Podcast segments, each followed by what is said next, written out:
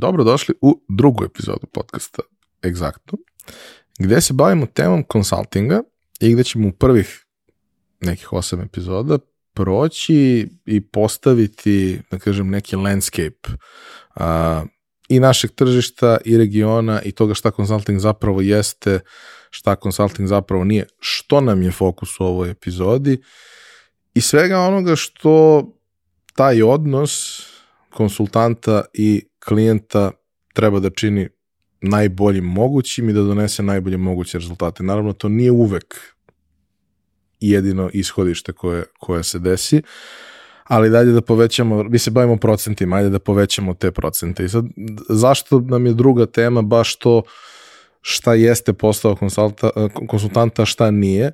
Zato što smo se i toga i u prvom razgovoru dotakli, uh, jer naravno postoji problem očekivanja. Očekivanja su takva da uh, vrlo često ću ja tebe pozvati prekasno da mi rešiš nešto što suštinski tada više ne može da se reši, ti si meni poslednja nada i ja ću se razočarati ako ti ne uspeš da rešiš nešto što je nemoguće ili ću te poslati, pozvati, neću ti dati sve informacije, očekivaću od tebe da na bazi vidovitosti dođeš do nekih stvari, što se nekad i dešava jer prosto iskustvo iz različitih stvari ti donosi to da vidiš nešto i pre nego što se desi, jer koliko god firme pričale da su sve različite, jebi ga, postoje neki paterni, pa ti to shvatiš. Ali, ajde da uh, ti kao neko ko ima tih dvadesetak godina uh, u različitim kapacitetima, ulogama u tom poslu, probaš da postaviš uh, na onako sjajan, jednostavan i razumljiv način šta jeste posao i uloga konsultanta, šta od njega treba očekivati ili njih, a šta nije i šta ne treba očekivati, jer mislim da je to prvi preduslov da taj odnos bude dobar.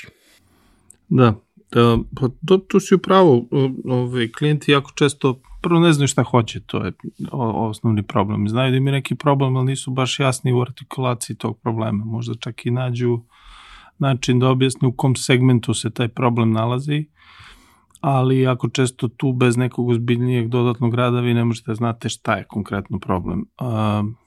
Gde je jako bitno kad je u pitanju odnos konsultant i klijent definisati na početku. Mnogo je bitno definisati šta je scope, odnosno šta je okvir tog projekta koji se radi i kada se definiše okvir, onda šta će biti e, e, deliverables na engleskom ili kod nas, ne znam kako se prevodi, ono što ćemo da deliverable, odnosno ono što ćemo da isporučimo. Znači, to mora da bude iskomunicirano i ne samo da bude iskomunicirano, nego to mora da bude i praktično ugovoreno, pa prvo poslato kroz ponudu, a onda kasnije i, i ovaj, ugovoreno. Suštinski, ako se ne postavi okvir i to šta će se isporučiti, onda jako često klijenti umeju da od konsultanta traže da im reše sve moguće probleme koje oni imaju u svojoj firmi i traže da ovaj, donesu usputi čarobni štapić i da onda to bude tek tako.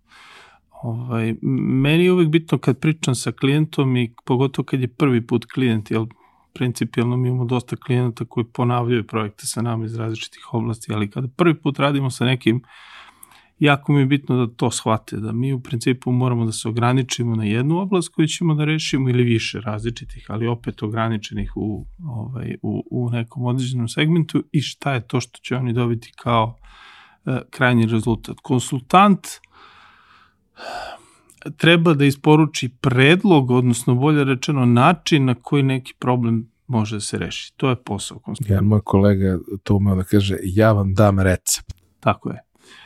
A konsultant nije taj koji treba da suštinski izvrši to, odnosno bolje rečeno da to sprovede kroz organizaciju. Jel onog trenutka kad konsultant to krene da izvršava kroz organizaciju, onda imate problem uh, same menadžerske strukture, odnosno upravljanja. Naruši se odnos. Naruši se odnos i taj odnos više nije dovoljno nezavistan, zato što vi onda morate raditi sa ljudima ne na način nekog eksternog koji je to privremeno, nego na način da već upravljate sa njim i to se suštinski ne radi. Nijedan konsulting, on može da da podršku u implementaciji, da pomogne u implementaciji bilo čega od toga što je predložio, ali nikad nije taj koji izvršava.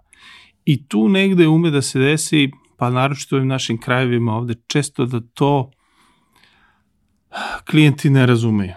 Oni podrazumevaju da, ok, super, ti si sad meni rekao da ja treba da uradim to, to i to, a, ajde da uradi, onda dovrši sad to do kraja, istiraj do kraja i onda smo mi obavili posao. I to je negde jako bitno, što sam rekao malo pre, da na početku samog tog odnosa bude definisano šta to stvarno jeste consulting, šta on dobija i u kojoj oblasti. Ako je to dobro definisano, onda je projekat potpuno uspešan. I postoji tu još jedna jako bitna stvar koju bih ovo voleo ovde da kažem, a to je ponekad nije jedna osoba ta koja suštinski donosi odluke u okviru organizacije.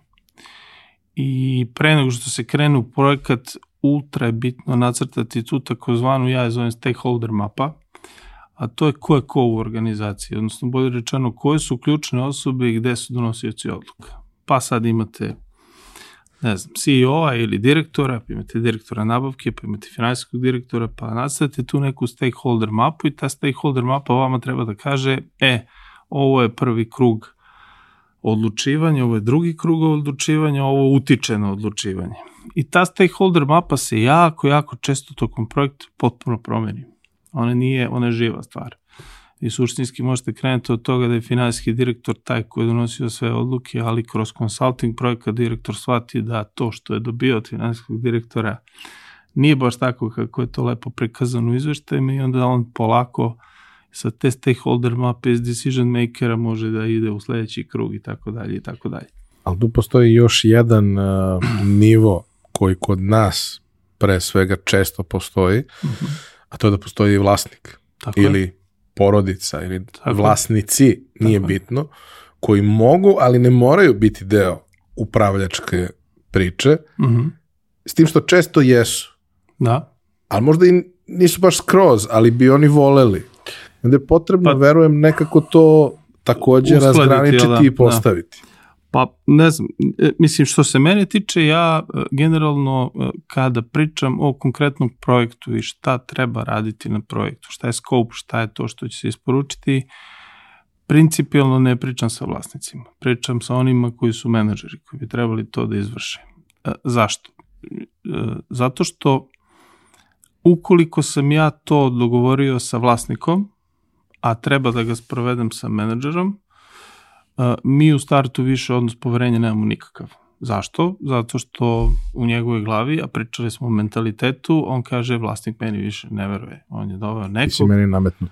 Ti si meni nametnut. I mi iz te perspektive to nikad ne radimo. Znači, ili smo seli zajedno, pa su se vlasnik i taj koji upravlja, odnosno koji je taj uh, menadžer, potpuno dogovorili i poravnali oko toga šta je to što treba da se uredi ili mi te projekte, projekte tog tipa apsolutno ne prihvatamo.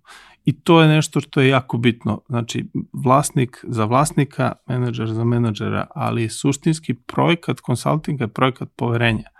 Ako a, mi u startu ne dobijemo, ne u startu, nego kroz projekat, ali u startu imamo poverenje koje ne, ne postoji, on tebe gleda kao neprijatelja ili neko ko je nametnut, ti ne možeš da napraviš dobar projekat. I tu po pravilu nastaju problemi.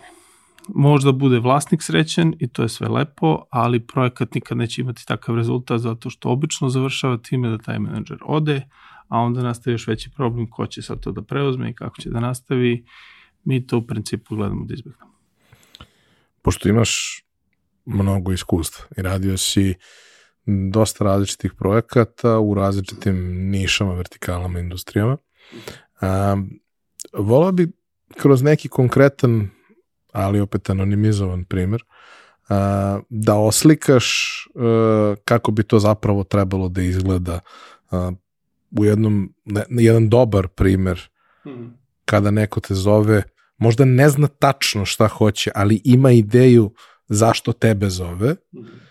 kako se dogovarate, kako radite na pronalaženju toga gde je zapravo problem i kako na, ra, radite na tome da uh, napravite predlog rešenja koji je dobar, ali ima još jednu bitnu osobinu, a to je da je moguć.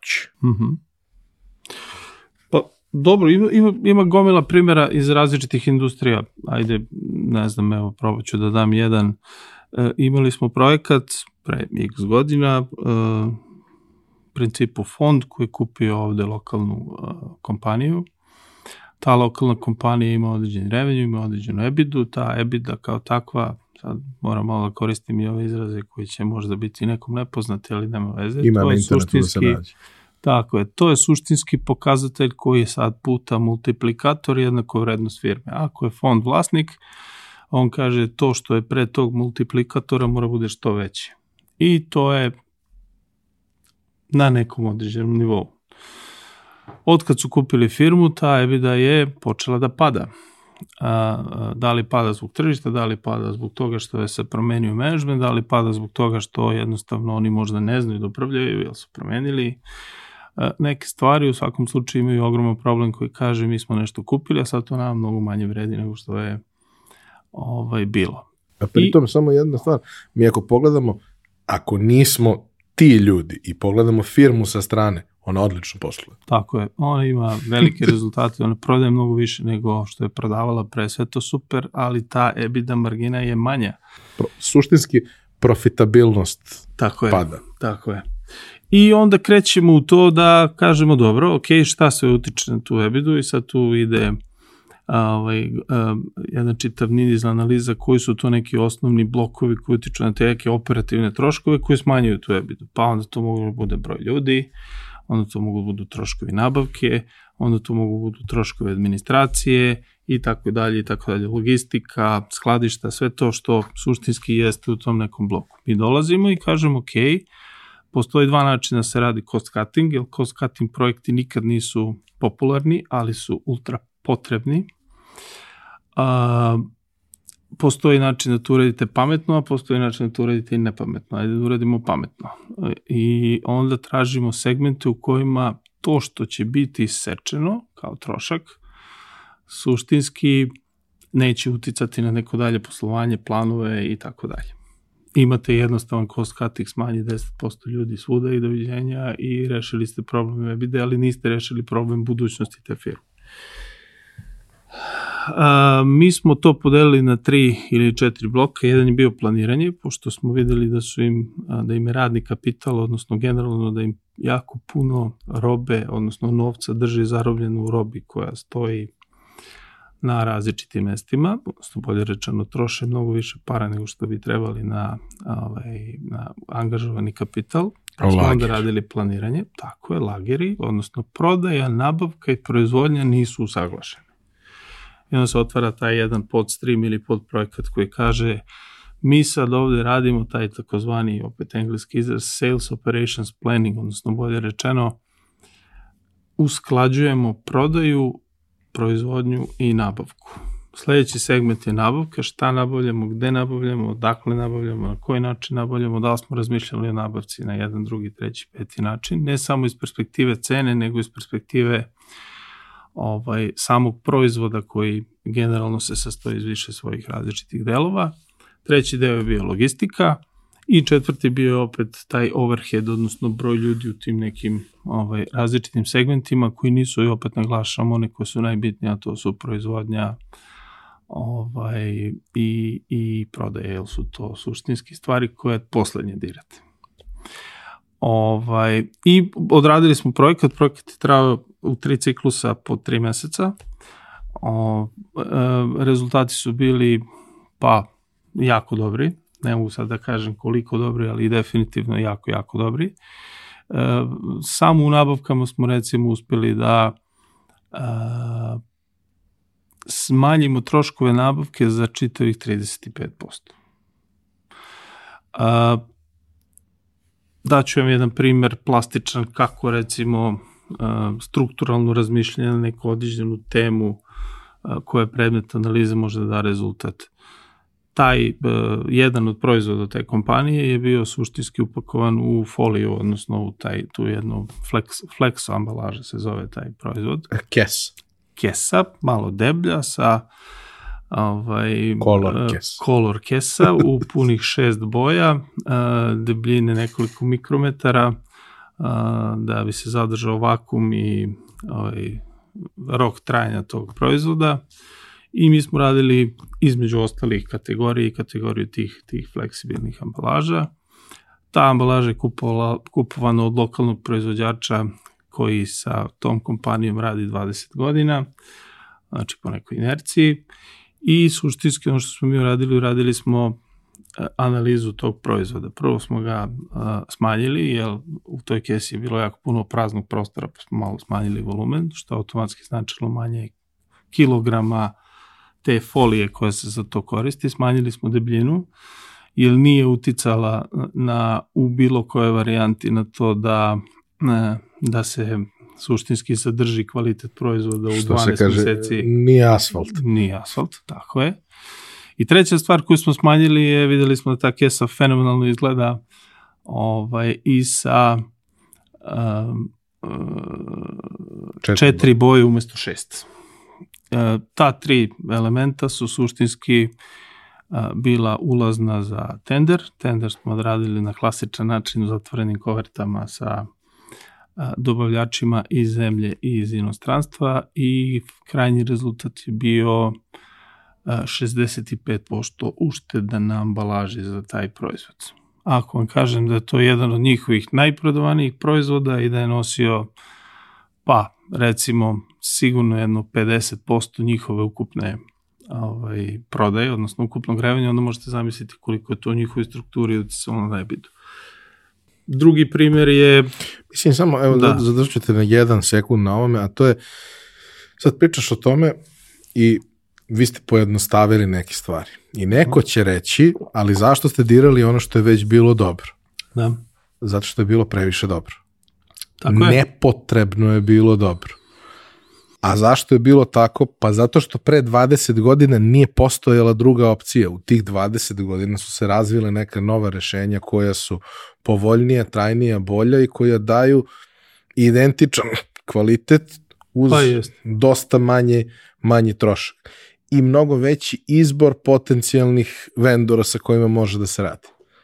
Tako je, mislim, daću vam analogiju sa kućom, vi možete napraviti ovaj, ploču uh, i sa 15 puta više armature nego što je potrebno i ona verovatno može da preživi atomsku bombu bez ikakvih problema, ali ste vi samo potrošili više para, ta armatura apsolutno ne treba.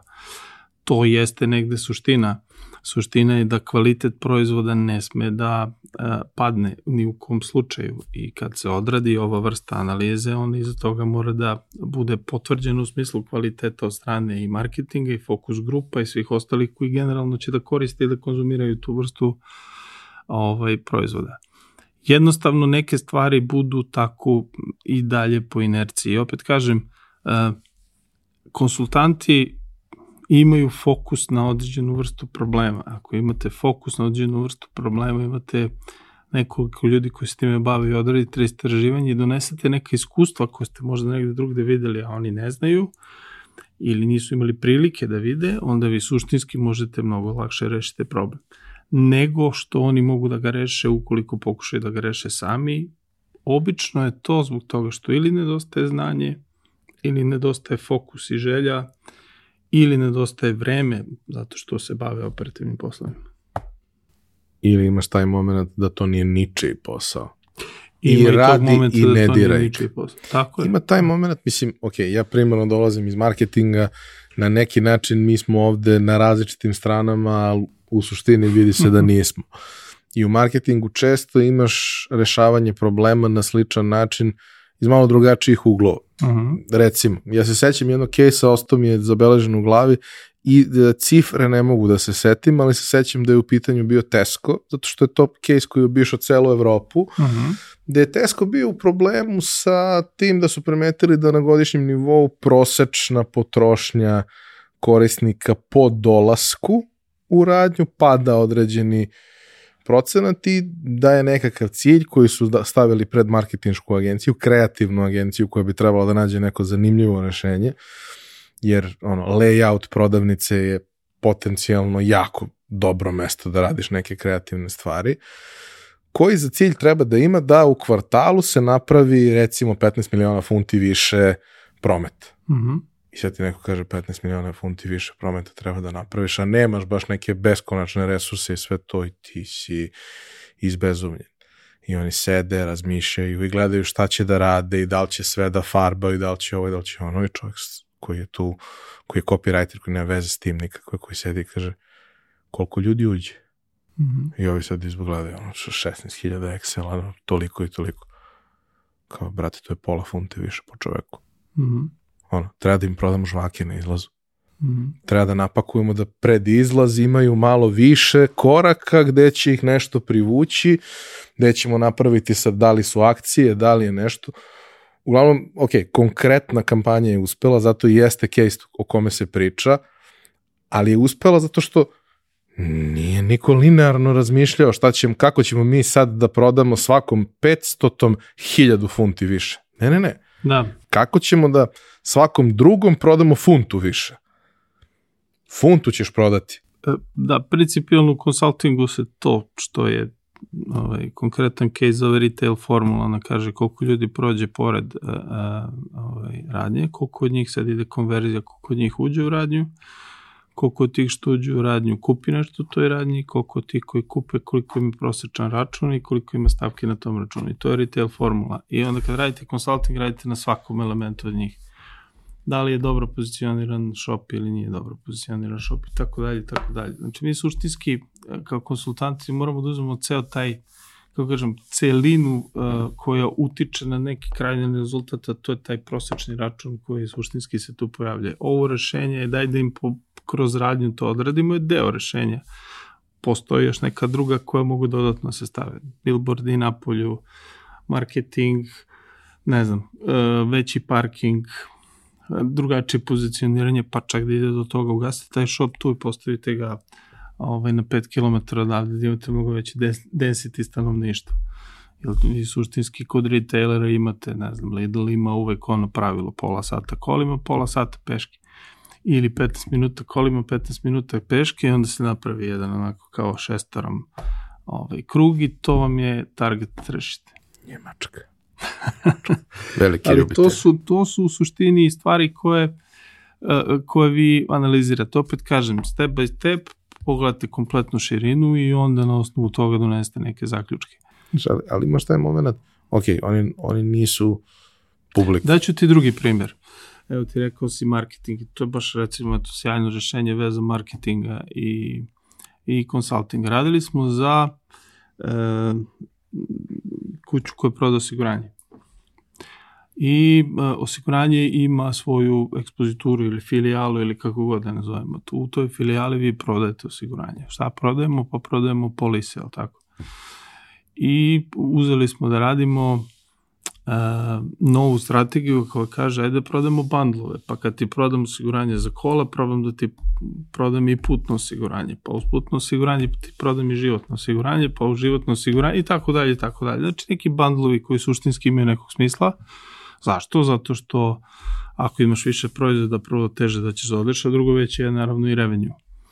I sad I je bio problem, ali kako objasniti bundle kad mi imamo suštinski četiri različite polise, pa to komplikovano, pa to sve ovo i tako dalje, tako dalje. I tu smo mi generalno kroz taj projekat, da, shvatili smo mi kao konsultanti šta bi to bila dodatna vrednost i šta i kako smo onda kroz priču doveli dodatnog uh, subject eksperta, pričali smo prošli put o tome, da nam malo pomogne iz te neke, kako bi to marketinški moglo da se odradi. Pa je onda bilo tu, ne znam, da li ćemo ATL, BTL, na koji način investirati, da li se isplati investirati u reklamu i tako dalje i tako dalje. Rekao, a što ne napravite pakovanje?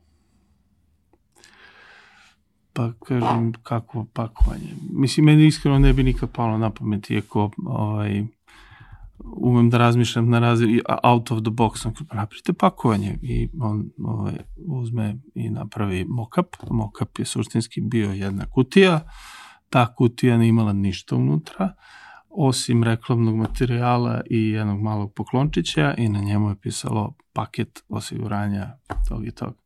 I to smo rasporedili po ovaj, radnji. U pitanju je osiguranje koje nije iz Srbije, ali ne, nije, nije ovaj, nije loš primer, suštinski to je odradilo kompletan posao. Ljudi su za nešto mogli da se, kako kažem, Tangible, vežu i da je, tangible. da je tangible. Mi smo nečega što je intangible i teško objasniti relativno lako kroz jedan moment koji je on, tu je na rafu, uzmem ga baš kao što uzimam i mleko. I to su neki načini gde vi generalno možete, rekao si ponekad smo suprotni, da, zato što konsultanti kad rade recimo neki cost cutting koji sam pomenuo, prvo krenu od marketing troškova, zašto ne znam, ali jeste to tako ali suštinski uh, ovde i postoji. Jako često mi kad radimo projekte te koji menjaju pa sad sastav proizvoda uvek uključujemo marketing da uredi fokus grupe, da uredi kompletno istraživanje, ne bili znali da li to stvarno ima efekat promene ili nema efekat promene, da li će to drugačije se vidi na tržištu. To je nešto što je dobar primer tog dovođenja dodatnog eksperta koji može da vam pomogne da u tom trenutku rešite problem. Imali smo primere u prethodnom periodu jako dobrih rebrandiranja, imali smo primere jako dobrih promena pakovanja i onih drugih, mm. -hmm. gde su brendovi koji su bili obožavani i prepoznati na jedan način potpuno izgubili bilo kakvu prepoznatljivost i visibility time što su, ako gledamo potpuno nezavisno i dovedemo nekog ko ne zna ništa ni o jednom ni o drugom pakovanju, dobili bolje pakovanje. Mhm. Ali to nije bilo bitno, zato što to više nije ono. E, a, dao si mi dva jako dobra primjera, zato što su različiti. I pričat ćemo mnogo o svemu tome u narednom periodu. I o svemu smo pričali u ovoj epizodi o čemu je trebalo, osim o jednoj stvari. Mhm. Ti si se toga samo dotakao na početku kada si rekao da vi date recept. Mhm. Ali nije samo to. Mhm. Šta nije posao konsultanta? Kada postoji taj odnos, kada vi imate nekakav dogovor, kada se uradi taj deo koji šta nije posao konsultanta, zašto to nije posao konsultanta i e, na koji način i tada konsultant može da pomogne da se stvar sprovede, ali do koje granice sme i treba da ide da sebe ne kompromituje i ne kompromituje taj odnos koji je gradio.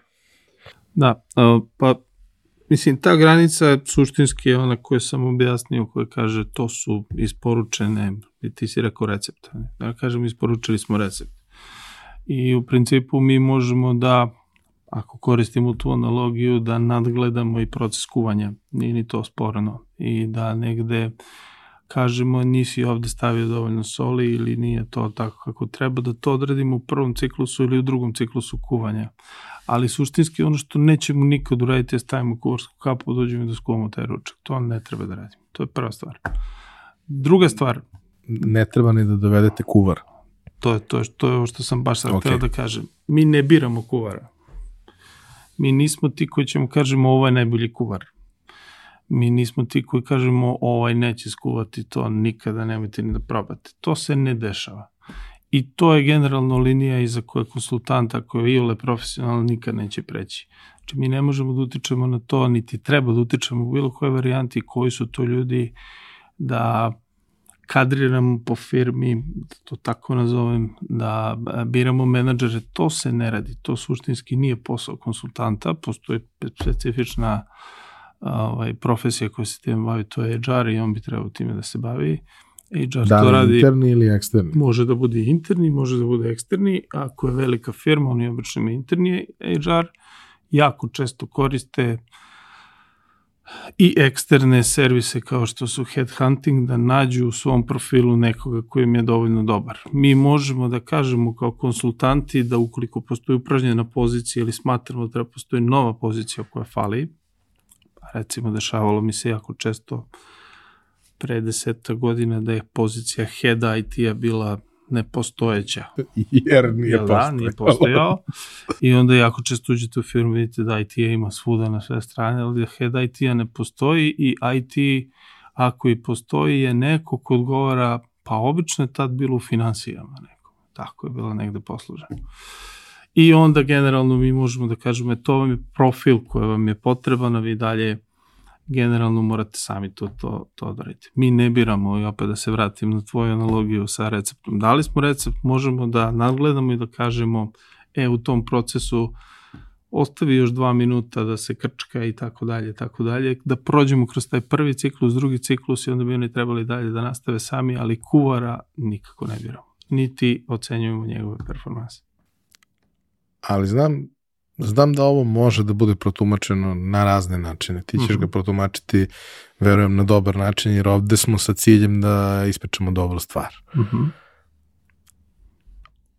neko može da ti kaže ok, uradio si sjajan posao, ali rešio si mi pola problema. Šta ja da radim sa drugom polovinom problema? Ja ne umem da ga rešim. Mm -hmm. Ja ne mogu da nađem tu osobu. Ja nemam ni u svom HR-u ljude koji umeju da mi pronađu tu osobu. Ja nemam ni među drugim konsultantima ili headhunterima nekoga kome verujem, kao što verujem tebi, mm -hmm da mi pomogne da pronađem tu osobu. Mm -hmm. Šta onda? Pa tu, to je interesantno pitanje i to se dešava. Inače, meni se desilo, uh, pa evo reći ću ti, dok sam radio za ove velike globalne konsultantske kuće, pa recimo u 60 do 70% slučajeva su mi nudili posao ovaj, nakon consulting projekta. I to je negde ono što eh, je opet nešto što principijalno može da se uradi, ukoliko ti definitivno više ne želiš da se baviš konsultantom, pa ćeš ostati, naravno, to je sad već drugi dil i druga, ovaj, potpuno druga priča, ali e, najlakši način, e, ovaj, odnosno najlakši, e, postoje dva različita načina kako to može se reši. Jedan je da i definitivno idete sa headhunterima, da izađete malo iz vašeg tržišta, to ako ga nema u Srbiji, možda ga ima negde na polju, Ovaj, naročito danas u globalno vreme puno pozicija mogu da budu rešene i sa nekim ko ne mora da bude on sajt koji može to da radi u, barem ne stalno. U, barem ne stalno, tako je.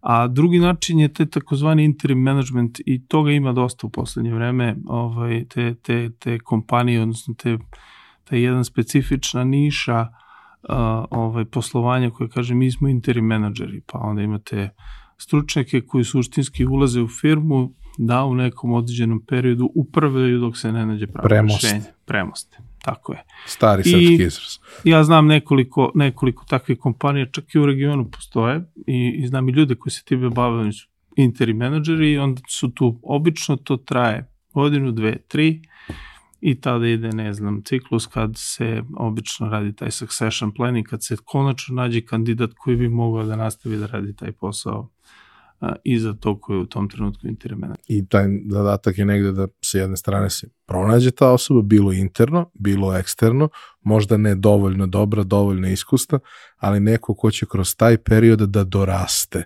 Tako je. do te pozicije Tako i da dovoljno uđe u ceo taj sistem da osoba koja je tu bila da premosti može skine skelu. Tako je, ali bi, suštinski, evo opet, consulting ima dve komponente. Jedna je ta pronalaženje rešenja za neki određeni problem, a druga je edukacija tog kadra koji suštinski radi na consulting projektu. Consulting projekat može da traje mesec dana, može da traje dva meseca, može da traje tri meseca. Ja sam radio na projektima koji su trajali po godinu dana. I onda radite godinu dana na projektu, vi već tu postajete deo ovaj, e, te firme, poprično ste ušli u sve i tu suštinski sa vama tih godinu dana radi neko od njih.